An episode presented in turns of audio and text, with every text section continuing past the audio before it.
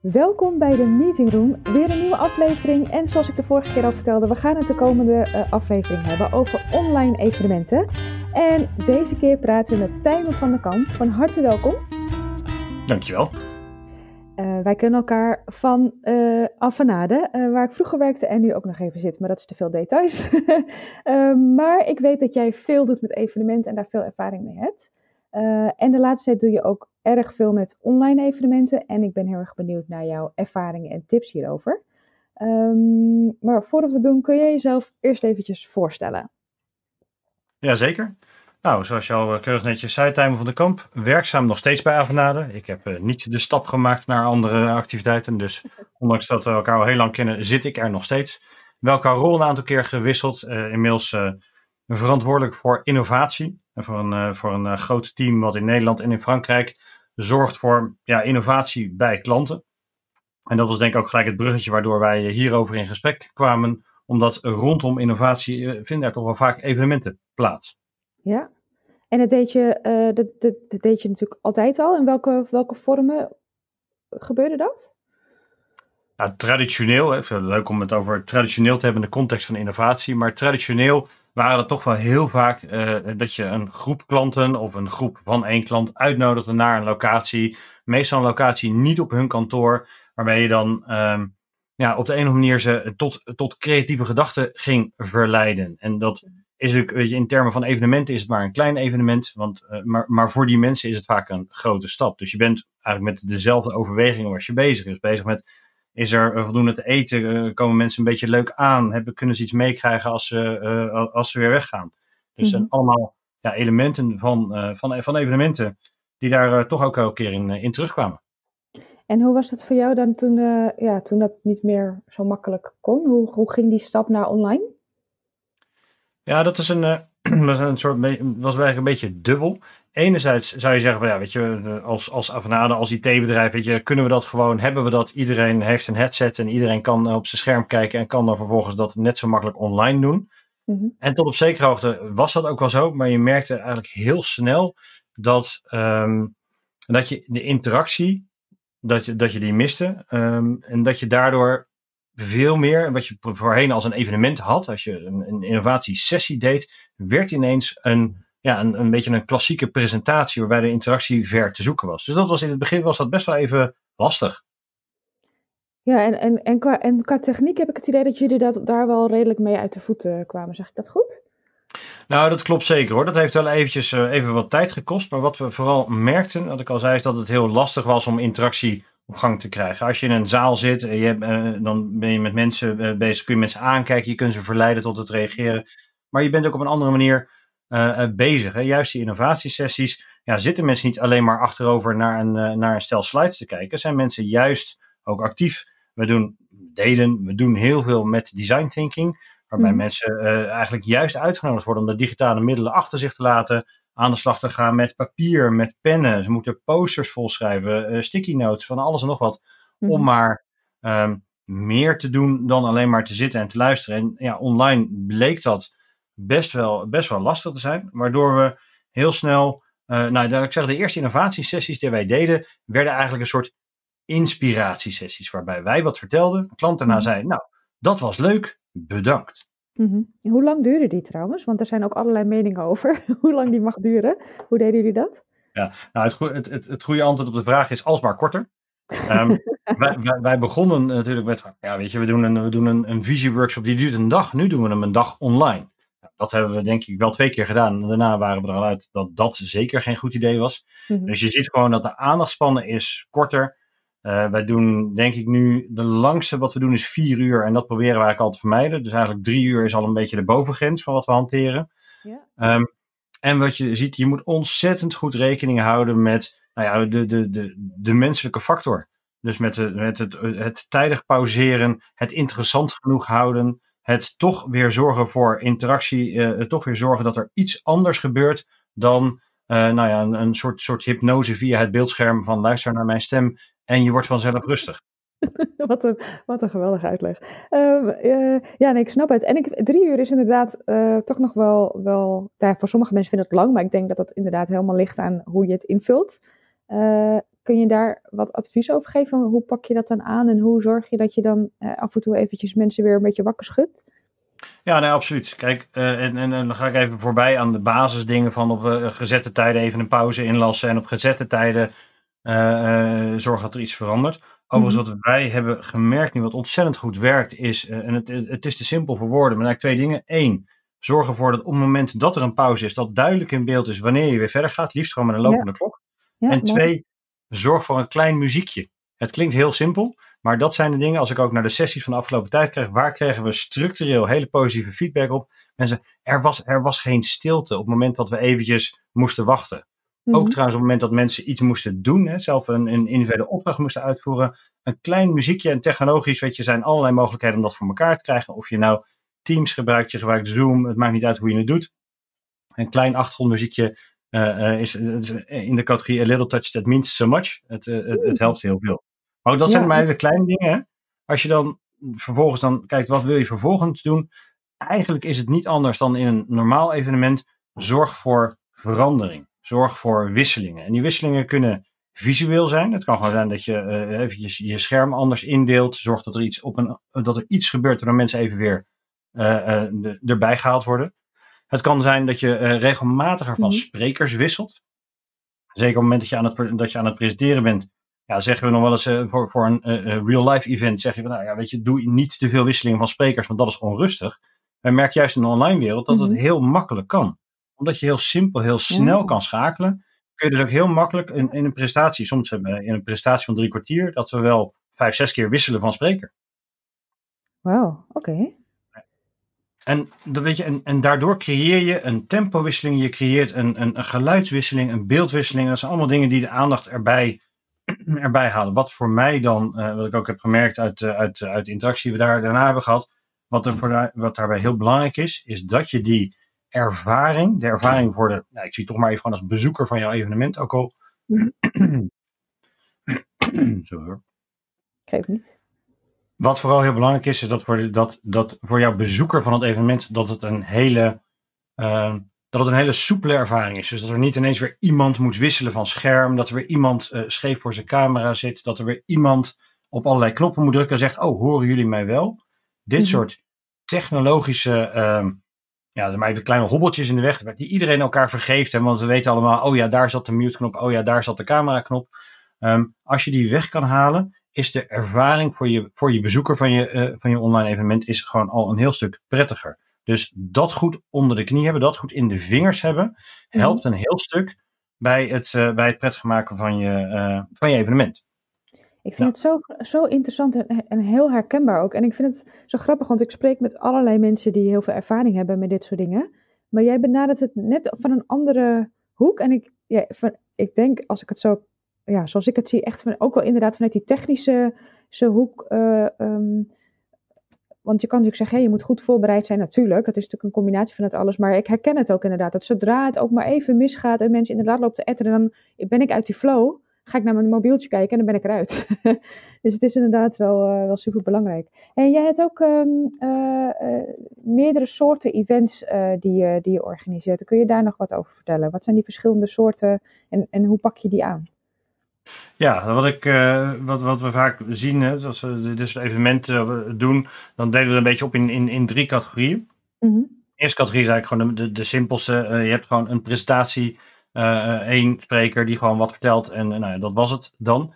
Zelfs daarin kun je al een hoop dingen doen. Ik heb bijvoorbeeld gisteren gaf ik een gastcollege en daar merkte je al dat er meer interactie ontstond. En dit was voor tweedejaars studenten, niet noodzakelijkerwijs de meest interactieve groep, normaaliter al. Mm -hmm. um, wat je al merkt dat mensen al, er, stond, er ontstond al interactie gewoon puur door de visualisatie. En we hebben hele simpele dingen gedaan, zorgen dat je presentatie en de spreker tegelijkertijd in beeld is.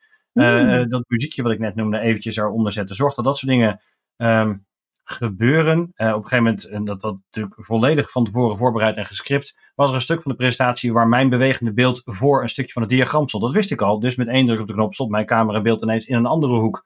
Het zijn de hele kleine dingen ja. waarmee je al als individuele spreker indruk maakt. Waarbij mensen, en het leuke is, mensen komen uh, tijdens het presenteren, maar ook erna komen ze bij van, hey, hoe heb je dat gedaan? Hoe, heb, hoe ging dat? En dat biedt je gewoon onmiddellijk een extra interactiemoment. Het maar, maar het, het, het gratis extra exposure.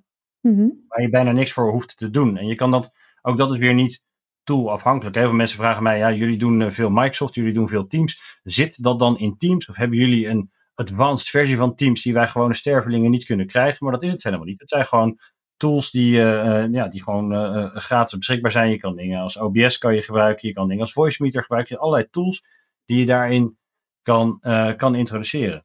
Dus dan heb je het alleen maar over de presentatie. Gewoon één spreker die iets vertelt en daar al meer impact maakt. Ja, precies. Sorry trouwens voor het onderbreken. Ik, de OBS hoorde ik. En wat was die tweede die je noemde? Voice? Ja, ik kan een, eh, dus ik weet niet of dat handig ik kan een, een lijstje eh, meegeven dat we ergens Ja, in, eh, in de show notes kunnen opnemen met een paar linkjes. Ja, dat is een goed idee. Ehm, eigenlijk is het heel simpel. dol op tools Voice en- meter. Wat zeg je? ja, ik zeg mensen zijn dol op tools. Dus eh, Ja, precies.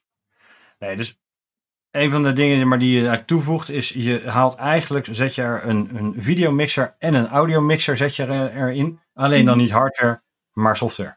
Zodat je dus in staat gesteld wordt om iets te doen met zowel je audiostream als met je videostream. Dat is eigenlijk de basis van het. Zo klinkt het ingewikkeld, maar neem nou van mij aan dat echt iedereen dit gewoon kan. Het is geen rocket science. Ja, want daar zit ik natuurlijk wel aan te denken. Bij, ik denk ik, bij jullie zitten natuurlijk mensen die het allemaal heel tof vinden om, om uit te zoeken. Eh, een gemiddelde eventplanner is niet per se technisch. Maar goed, daar zijn natuurlijk weer allerlei partijen voor. Die, eh, maar in principe, als ik het dus zo hoor, is het geen, eh, geen rocket science. Nee, absoluut niet. En weet je, en het zijn echt in de categorie, weet je, je kan natuurlijk heel ver ingaan. Je kan complete videoproductie eh, eh, online gaan doen. En ja, dan zul je echt aanvullende expertise eh, moeten hebben. Maar de simpelste dingen als gewoon je logo van je bedrijf in beeld.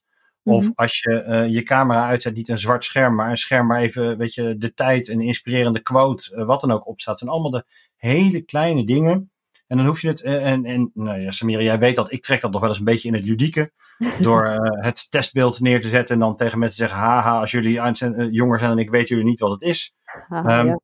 En, het- weet je, um, of gewoon een, weet je, ik heb een, een, een foto van, mijn, van het beeld van mijn webcam, maar dan als ik er niet zit, die ik als pauzebeeld gebruik. Weet je, allemaal van dat soort kleine dingetjes. Kun je heel makkelijk, als je dat er soepeltjes in weet te zetten. Want ik denk dat dat, hè, dat ingrediënt noemde ik net al even, hè, dat je moet zorgen dat het, het moet er moeiteloos uitzien.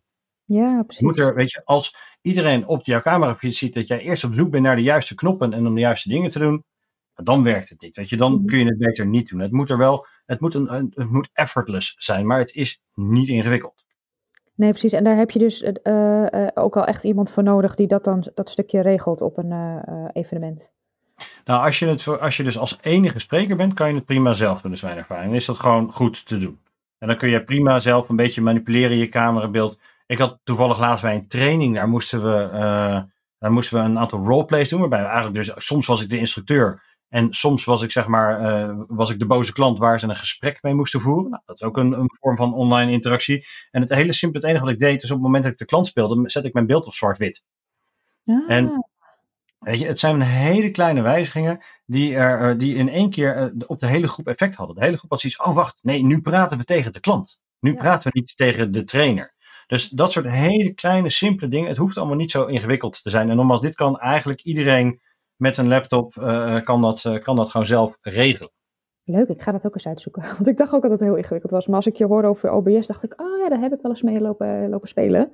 Dus, dat is inderdaad, ja, cool. Hey, we waren bij die drie, drie soorten events. Dus de eerste was een beetje, wat je volgens mij eerder ook wel eens praatje plaatje noemde. Ja, ja precies. Als, en als, het, als er een klant bij is, dan noemen we het een inspiratiemoment. Maar inderdaad, dat is. Dat, dat, maar, het, maar het komt op hetzelfde neer. Uiteindelijk heb je een spreker die enthousiast ergens over vertelt.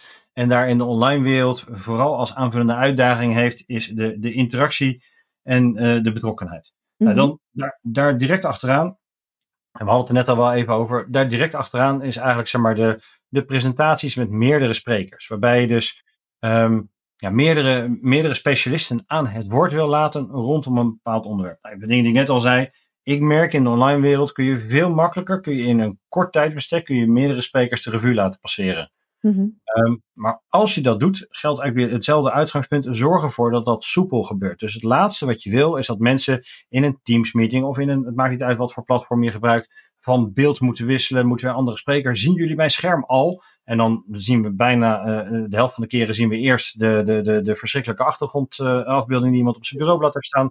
Voordat de presentatie, nou, maar je, dat is herkenbaar toch? Dan Ja, ja, van, oh, je kijkt en je denkt, oh, ik wist niet dat jij een hondenmens was. Of wat dan ook maar wat je voorbij ziet komen. En dan Ja. Dus dat, of je ziet nog de zeven andere tapjes die degene ook open had staan in zijn browser. Weet je, dat zijn allemaal van die dingen waarvan ik denk dat moet je als spreker, als presentator, moet je dat vermijden. Maar als je Mhm. met meerdere sprekers te maken hebt, dan zou je kunnen overwegen om naast de sprekers eh, eh, en eventueel iemand die het geheel aan elkaar praat, ook te gaan denken aan iemand die dus de online productie voor jou doet. Mhm. Dus iemand die, en nou, een beetje afhankelijk van eh, zeg maar de kwaliteit van de, eh, van, van de mensen die je hebt en belangrijk gewoon de technische vaardigheden van de mensen, kun je daar apart iemand voor neerzetten of het kan degene zijn die niet aan elkaar praat. Als ik naar mezelf kijk, ik neem nog wel eens die rol als dubbelrol op het moment dat ik zowel zeg maar als, als, als MC als als producent aan de slag ben. En het enige wat ik dan eigenlijk doe is ervoor zorgen dat de verschillende camerafeeds van de verschillende mensen, de verschillende presentaties die ze hebben, allemaal op een soepele manier bij elkaar komen voor, eh, bij, bij het publiek. Dus Mhm. in termen van ervaring voor de, ja, we hebben de online bezoeker, is het verschil niet zo heel groot. Want het enige verschil aan hun kant is, hey, ik zie nu in plaats van één iemand presenteren, zie ik meerdere mensen presenteren. Aan de achterkant, hè, dus als organisator, heb je er wel een stuk meer werk aan. Want dan moet je dus echt zorgen dat je goed en soepel kan wisselen tussen verschillende sprekers, tussen verschillende content. Mensen hebben een demo, mensen willen verschillende dingen laten zien. Mhm. Dus daar moet je, dat, daar moet je echt wel wat meer voor doen. Maak je daar ook een, doe je, maak, bereid je dat voor in de vorm van een draaiboek? Van, oh ja, als die spreek komt, dan moet ik dit beeld laten zien. Of doe je dat op gevoel? Nee, dat is, eh, ja, misschien is dat ook wel eh, door, door mijn natuur, maar ik doe niet zoveel dingen op gevoel. Eh, in ieder geval met dit soort dingen niet. Dus nee, dit bereid ik uitgebreid van tevoren voor. Tot op het punt dat ik niet alleen het draaiboek heb uitgeschreven, maar ook nog zeg maar, de, eh, de verschillende schermlayouts die ik wil gebruiken, gewoon keurig netjes genummerd achter elkaar klaar heb staan. Ik Ah, eh, zet ze dan van tevoren zet ik ze op een tablet voor mijn neus, zodat ik keurig netjes van 1, 2, 3, 4, 5 achter elkaar eigenlijk door het hele evenement heen kan lopen. Oké. Ik Om dacht ervoor te dat zorgen. gewoon maar zo deed. Gewoon, oh ja, het lukt me wel. Even knopje dit, even knopje dat. Maar ik heb hier geen ervaring mee, dus ik weet Ja, niet maar, hoe... maar het liefst heb ik ook dat het aan de andere kant zo overkomt. Ja, Weet je, want dan heb ik het goed gedaan. Op het moment dat de andere kant denkt, hé, hey, dat, gaat, dat gaat lekker soepel. Kijk, als ik er de hele tijd heel moeilijk bij kijk, zeg, nou, even kijken welke knop ik nu moet drukken, dan breek je weer, die- je, je doorbreekt die magie. Mhm. Weet je, als je in het theater zit, het liefste wat je wil is vergeten dat je in het theater zit. Ja. En zo moet eigenlijk een online experience ook zijn. En dat is best, weet je, dat, dan, leg, dan leg je de lat best hoog. Want Mhm. mensen zitten natuurlijk gewoon uiteindelijk thuis en eh, weet je, de aandachtspannen is al korter en de hoeveelheid afleiding om mensen heen is al eh, eh, een orde van grootte groter. Maar weet je, als je dat dus voor elkaar weet, krijgen mensen daarna zeggen, goh, de tijd vloog. Ja, weet je, dat zijn de mooiste complimenten die je dan uiteindelijk kan krijgen. Nou, inderdaad. Ja. En, nog een vraag tussendoor. Heb jij, eh, hoe bereid je de sprekers voor? Want voor veel sprekers is dit ook nieuw, het online presenteren. Wat moeten zij weten vooraf? Nou, er zitten eh, ook daarvoor zeg maar, heb je zeg maar, de, een paar simpele dingen die, ondanks het feit dat ze heel simpel zijn, toch regelmatig vergeten worden. Ehm, waarbij de, weet je, het, het, makkelijkste tip die ik altijd mensen kan geven, die kunnen namelijk ook vaak het snelst fixen, is zorg voor licht. Mhm. Ervan uitgaan dat meestal, hè, we proberen eigenlijk altijd wel zo te doen dat de sprekers in beeld zijn, zodat je altijd wel een videofeed hebt. Zorg ervoor dat je ook te zien bent. Zoveel mensen die in het donker of nog erger in de gloed van hun beeldscherm zitten te werken, Mhm. eh, wat je dan krijgt, zodra iemand van scherm wisselt, gaat ineens is zijn gezicht van donker naar licht. Van groen naar oranje, weet ik wel waar die naar zit te kijken. Ja. En dat geeft een hele onprettige ervaring voor het publiek. Dan denk ik, oh, goh, wat is diegene nu dan aan het doen? Mhm. Mhm. Dus simpele dingen, zorg, en dan natuurlijk, weet je, de andere basisdingen. Zorg voor een beetje, een, een beetje prettig geluid, stabiele internetverbinding. Maar dat noem ik allemaal maar een beetje, nou ja, echt de, de, de, de basics. Maar ik merk dus dat, nou hebben mensen dat voor elkaar. Hebben ze een goede headset, ze hebben een stille plek. En ze zitten in het donker. Weet je, dus dat is voor mij altijd een hele simpele om daarin mee te nemen. Ehm, en dan de volgende die ik eigenlijk altijd wel aan mensen vraag is, eh, hoe, ga je, hoe wil je met interactie omgaan? Mhm. Heel vaak in, weet je, eh, zeker als je een wat groter event, vorige week had ik een, eh eh, presenteerde ik een webinar met, wat waren er, iets van 200 mensen. Ja, dan kan je moeilijk de microfoon openzetten en tegen mensen zeggen, joh, laat maar weten. Mhm. Dus wat ik altijd aan de spreker vraag is, hoe wil je omgaan met, met vragen? En meestal komen die vragen via een chatkanaal binnen. In Teams komt dat via chat. Nou, op andere platformen ongetwijfeld ook zo. Eh, hoe, hoe wil je daarmee omgaan? Wil je dat ik ze samenvat als, eh, eh, als, als MC? Wil je daar, hou je die zelf in de gaten? Dus dat zijn altijd belangrijk, ja, belangrijk iets om van tevoren af te stemmen, zodat je er niet door verrast wordt. Ja, precies. Goede tip ook. Ik kan me ook voorstellen dat sommige sprekers, en dat herken ik ook als ik wel eens spreek, dan wil je gewoon je verhaal doen en niet te veel onderbrekingen, want dan raak je helemaal uit je, uit je flow als het spannend is, zeg maar. En soms kan het juist wel of juist echt heel erg helpen om gewoon eventjes die op adem te komen en gewoon even rustig vragen te beantwoorden. Dus dat is wel goed. Ja, nou, En als ik naar mezelf kijk, ik vind het heel prettig. Zeker als het een onderwerp is waar ik wat losser over presenteer. Kijk, als, een, als ik een commercieel voorstel uh, aan het uitleggen ben, ja, dan heb ik wel een soort van agenda van dit wil ik graag allemaal vertellen. Maar als het een onderwerp is waar mensen in geïnteresseerd zijn. Gisteren had ik een gastcollege over artificial intelligence. Uh, dan vind ik het alleen maar leuk dat vragen gaandeweg via de chat binnenkomen. Dan kan ik dat vaak ook een beetje in mijn verhaal inrijgen. Dan hoef je niet apart nog weer een, een vraagmoment te creëren. Plus, je creëert weer een manier om mensen die thuis zitten, die, die achter een scherm zitten, even te engagen. Van, oh hé, hey, als ik dus nu een vraag stel, dan word ik blijkbaar, word ik, krijg ik gelijk uh, antwoord. Dat wordt gelijk in het verhaal gezet. Ik kan blijkbaar dit, uh, de, de, dit verhaal wat op mij wordt af, afgestuurd, kan ik blijkbaar sturen. En je mhm. merkt dat dat ook een, een middel is om weer die betrokkenheid te verhogen. Tegelijkertijd, ik probeer altijd wel ook te achterhalen of de spreker zich daar comfortabel bij voelt. Want lang niet iedereen kan dat eventjes midden in het verhaal zomaar nog even iets eraan toevoegen. Ja, precies. Ik vind het trouwens wel grappig hoeveel. Um, want jij, het klinkt alsof jij meerdere skills, meerdere, hoe zeg je dat, rollen in één persoon hebt, zeg maar. Je, hebt, je noemde net al MC en dan heb je eigenlijk een beetje, ja, wat, wat uh, in ons geval van de luisteraars, een beetje eventplannerrol. Uh, inderdaad ook een beetje AV-gedeelte, dus, dus er komt best wel veel bij kijken. Ja, dat is enerzijds is dat natuurlijk waar, maar tegelijk moet je ook niet, verge je moet niet vergissen, het dit zijn geen evenementen met, met, met honderden bezoekers en allerlei parallele sessies. Dit zijn over het algemeen, in mijn wereld zijn vaak sessies met, nou ja, misschien dat er een keer 200, 250 mensen bij zitten. Mm -hmm. dus in die zin is het ook wel wat makkelijker om te combineren, om, om, om het bij elkaar te brengen. Als ik het heb over een draaiboek, dan is het een draaiboek voor een, voor een workshop van drie uur. Weet je, dus, niet een, dus, dus in die zin is, omdat de omvang wat kleiner is, ja, kan dat ook wel. En laat ik ook vooral niet de indruk wekken dat ik alles zelf doe. Want er zijn zeker gewoon mensen die daar ook, uh, die daar ook bij, uh, bij ondersteunen. Je weet in ieder geval wat er moet gebeuren. Dat is al een goed begin. Ja, en het is natuurlijk ook wel zo dat als er dan toch iets uitgezocht moet worden met knoppen om op te drukken, dat ik dat natuurlijk gewoon zelf ook ontzettend leuk vind. Hè. Dus, ja, het is, dus ik vind het dan ook, dan, dan doe ik dat ook graag zelf. Dat is, dus dat heeft ook wel een beetje gewoon met mijn, met mijn aard te maken. Het is zeker geen, zeker geen verplichting. Nee, precies. Nee, maar dat helpt enorm, denk ik. Hey, en wat is de laatste? Je had het over drie soorten events. Praatje plaatje, ja. uh, de, het event met meerdere sprekers. Ja. En of je daar nog iets over wat toevoegen trouwens.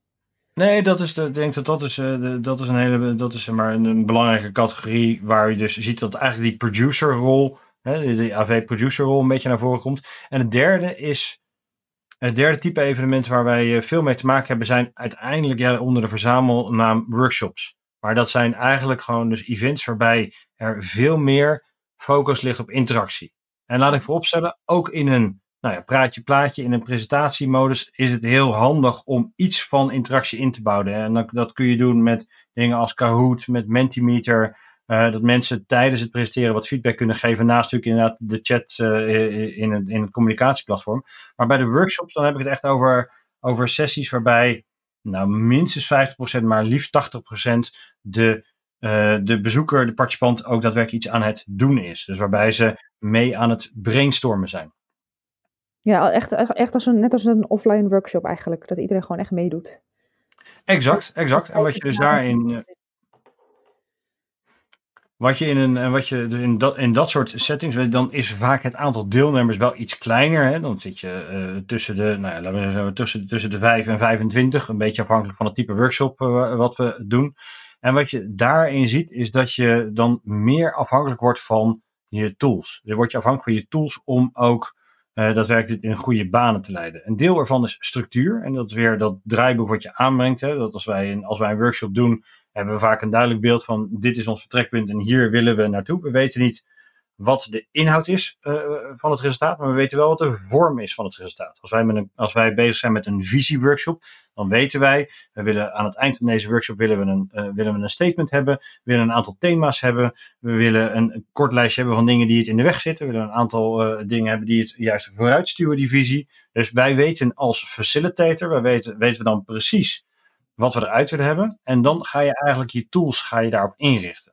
Nou, je noemde net het draaiboek. Wat, je, wat we dan vaak zien is dat we het draaiboek niet zozeer in een, uh, in, in, een tabelletje in een Excel-sheet zetten, maar dat je eigenlijk het draaiboek uitwerkt in de vorm van templates. We doen heel veel, en dat moet je eigenlijk gewoon, nou ja, als je naar de fysieke wereld zou vertalen, zijn dat eigenlijk voorbereide whiteboards. Ah, ja. Uh, en we maken, maken veel gebruik van, van, uh, van Mural. Dat is één tool waar je dit soort dingen mee kan doen. Je hebt ook andere tools zoals Klaxoon. er zijn er meerdere waarmee je mensen in staat stelt om op een gezamenlijk canvas, meestal, nou ja, de, de, de komt inderdaad een online whiteboard, mensen op een gezamenlijk canvas aan de slag kunnen met het maken van sticky notes, met het uh, maken, met het structureren van informatie, vaak ook het stemmen op die informatie. Als we allemaal sticky notes hebben gecreëerd, dat je dan vervolgens zegt, nou, uh, jullie hebben nu drie minuten om de beste eruit te zoeken. Wat daar wel leuk van is, je ziet dat dat eigenlijk online nog beter gaat dan in de fysieke wereld. Want wat heel vaak gebeurt, gebeurt letterlijk zo, je plakt eerst een sticky note op en daarna geef je mensen stickertjes in de vorm van kleine gekleurde stipjes. En die gaan ze dan op de sticky notes plakken om te stemmen. Ze hebben er drie, ze hebben er vijf, ze moeten kiezen. Wat je dan mhm. ziet, is dat mensen gaan dan toch kijken, ja, maar wat stemt de ander? Wat doet die? En in zo'n online omgeving heb je dat, kun je dat verbergen. Dus je, ah. je moet eerst zelf stemmen en dan daarna da, druk op de knop en je ziet alle stemmen tegelijk. Dus je ziet dat daar de... In elkaar, in het echt loop je elkaar ook in de weg de hele tijd, dus dat duurt best wel lang soms. Je loopt elkaar in de weg, maar je gaat ook gewoon, je wordt ook beïnvloed. Weet je, je hebt altijd mensen die even de kat uit de boom kijken, even kijken van wat, krijg, wat, wat, wat kiest de meest betaalde persoon in deze kamer. en dan moeten we al, dat is altijd een, een gevaar, dat is het, het, het, het, het hippo-syndroom. Ja. Het highest paid person opinion. Oh ja. Dan moet je altijd, eh, dat, dat, dat, is altijd even een element waar je op moet letten. En nu kun je mhm. dat dus in een digitaal tool kun je dat vangen. Maar wat je daarmee ziet, hè, dat met die tools is het eigenlijk zo dat als jij geen tools gebruikt, je gebruikt slechte tools, dan ja, weet je, tools die voor jou niet werken. Ik zeg niet dat de tools zeggen, maar jij er niet goed mee kan omgaan als facilitator, mhm. dan weet je dat je workshop niet goed gaat lopen. Mhm. Je kan de perfecte tools hebben. Dat betekent niet dat je workshop goed gaat. Maar het betekent in ieder geval dat het niet gaat liggen aan jouw vermogen om structuur aan te brengen. Dan ligt het, weet je, je kan altijd een moeilijke groep hebben, maar um, je moet er dus voor zorgen als, en ik, ik realiseer me heel goed door, na aanleiding van de opmerking die jij net maakt, van hoeveel rollen vertegenwoordig je eigenlijk in één persoon bij zoiets. Mhm. En ik heb het nu natuurlijk over de facilitator, maar uiteindelijk, voor mij is de facilitator is de presentator van de workshop. Dat is degene die het, die het bij elkaar brengt. Maar als facilitator moet je goed in staat zijn om die tools te bedienen, om die tools te besturen. Mm ja, precies. ik heb trouwens ook zelf een keertje gedaan met uh, Miro. Het lijkt op Mural. Uh, en een event design, dus inderdaad met post-its en ook uh, stemmen. Ja, we, hebben ook, nee, we hebben die stemsticks niet gedaan, maar het was eigenlijk redelijk goed te doen. Uh, maar ik had inderdaad ook een fijne groep, dat helpt enorm. nou, maar dat helpt. Maar ook daarvoor kan het, weet je, wat, wat we dus zien, en dat is toch met online, uh, merk je dat, zeg maar, zodra mensen gaan praten, wordt het heel gauw rommelig. Mm. Dus wat wij heel strak altijd managen, is dat als wij iets doen, en of het nou zeg maar, zeg maar het, het, nog in de brainstormfase, we zijn in de convergentiefase, maakt niet zo heel veel uit. We maken eigenlijk altijd, pakken we drie stappen. Eén, creëren. Twee, beoordelen. Drie, discussiëren. Dus wat je doet, je gaat dat eerst mensen individueel, ga je mensen uh, content laten genereren, stickies plakken, laat, laat ze maar dingen bedenken. Dat doen ze in stilte. Nou, even terug naar eerder, daar is zo'n achtergrondmuziekje ontzettend handig voor, want anders ga je toch een beetje naar mekaars ademhaling zitten luisteren tijdens het, uh, tijdens het uh, invullen van je sticky notes. Dus je begint heel simpel met, met, met in stilte het creëren van, van, van, van uh, content, gewoon creëren van stickies. Daarna ga je nog steeds zonder gesproken interactie, ga je zo'n stemronde in. En soms is het echt inderdaad met stickertjes plakken uh, erop. Soms is het door, door dingen hoger lager te zetten, dat maakt niet uit. Je, dan creëer je eigenlijk de eerste ronde feedback, waarbij je een soort afvalrace doet van dit zijn de dingen die we echt over willen houden. En mhm. pas daarna ga je het gesprek voeren. En het gesprek ga je dus voeren over de dingen die, waarvan de groep al gezegd heeft, dit vinden wij belangrijk. Mm wat, hier heb ik ook wat aan, want ik, ik ging de mist in, inderdaad bij het brainstorm gedeelte liet ik geluid aan. Uh, ook omdat we dan hè, minder knopjes en gedoe. Ik dacht, oké, okay, hou het simpel. Maar dan gaan mensen inderdaad, oh, het lukt niet. Oh, ik zit te etteren. Oh, oh, ik ben iets aan het wissen. Oh, dan gaat iedereen helpen. En dan, ben je, en dan heb je een minuut tijd om, uh, om uh, input te geven. Nou, dan, ben je, dan is het alweer voorbij. Dus dat is inderdaad wel een goede tip. En hoe lang duren die workshops bij jullie meestal? Nou, dat, dat verschilt dus. Dit zijn dus de dingen die tot drie uur kunnen duren. Oh, ja. uh, merk vaak dat de, een beetje de, de, de sweet spot is wel, uh, en dat hangt heel erg vanaf wat je voor elkaar wil krijgen. Als het, bijvoorbeeld als wij een visieworkshop doen, dan is drie uur is zo om. Dat geven mm. mensen ook altijd terug als feedback, dat ze zeggen van, ja, het ging zo snel, ik had het haast niet in de gaten. En wij weten dan, dat klopt, maar als we er vier uur van hadden gemaakt, had je het te lang gevonden. Ja, dat is net um, maar, maar daar zie je dus dat dat, dat het werkt. Een echte workshop is vaak minimaal wel anderhalf uur, omdat je hebt gewoon wat tijd nodig. Je hebt wat tijd nodig voordat mensen even zitten, voordat mensen nou, eigenlijk gewoon virtueel gesetteld zijn. Mhm. En dat is ook wel wat jij net even noemde, dat triggerde mij wel. Uh, juist die, maar even die, die onwennigheid of onhandigheid met die tooling, die kun je een deel uh, kun je die ondervangen door aan het begin een warm-up te doen. Je hebt misschien wel wel zo in zo'n sessie gezeten dat aan het begin iedereen vraagt: ga even staan, steek je arm uit, dat soort dingen. Dat is, nou, en, dat, precies, dat is, dat, en dat is ook niet wat ik bedoel. Um, want het doel wat je ermee probeert te bereiken, namelijk dat mensen eventjes settelen, even loskomen, even nou ja, uh, in het moment uh, bepaald worden. Mm -hmm. Dat bereik je met een, met een warm-up rondom de tooling.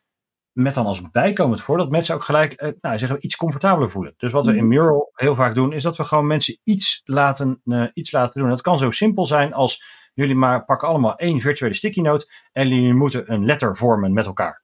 Ah, dat is en dat zijn, het, zijn, het is te simpel voor woorden. Mensen die wat ervaren, daar zijn met dit soort tools, die laten heel vaak een wedstrijdje doen. Maar joh, uh, dan zorgen we dat, er, dat, er, dat er zoveel parcoursjes als deelnemers virtueel klaar zijn, waarbij ze gewoon vijf handelingen in Mural moeten doen. En degene die het als eerste af uh, krijgt, die verdient eeuwige roem. Wat een leuk idee. En dus maar zo'n kleine warm-up, die twee dingen. En mensen komen een beetje, toch een beetje in de stemming. Mm -hmm. En je zorgt ervoor dat mensen een klein beetje familiariteit hebben, een beetje, een beetje gevoel hebben bij de tooling die je van plan bent te gaan Mhm. gebruiken. Ja. Nice. Ik denk dat mensen hier wel wat aan hebben. Uh, Oké, dus dat waren de drie events. Heb jij tot slot nog iets wat je denkt van, nou, dit is nog wel echt iets wat ik wil meegeven aan uh, mensen die met online events aan de slag gaan?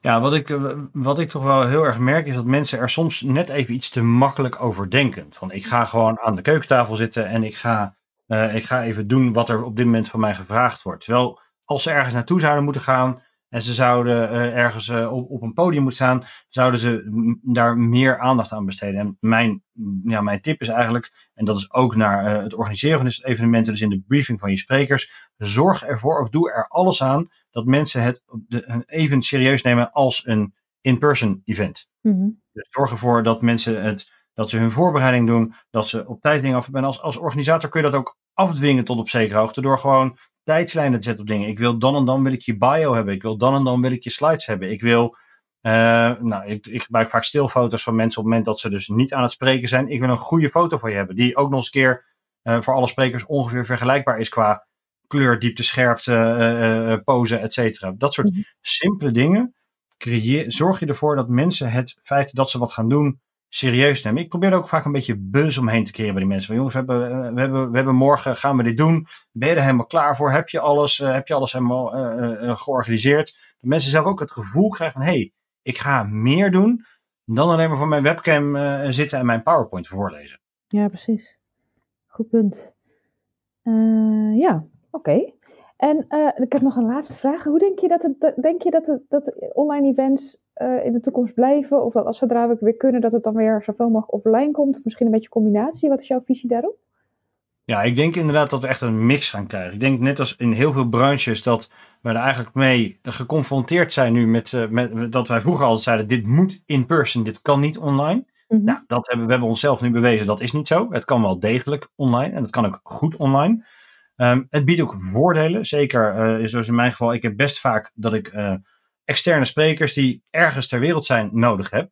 Voorheen, als je die er dan weer bij moest bellen, op een scherm moest zetten, was dat altijd ingewikkeld en lastig en awkward. Nu, het maakt letterlijk niet uit waar iemand zit als hij maar internet heeft. Dus ja. dat voordeel, dat gaan we veel vaker gebruiken. Plus dan ook nog eens een keer dat het lastig, uh, het blijft altijd lastig om mensen fysiek bij elkaar te krijgen qua planning, qua logistiek.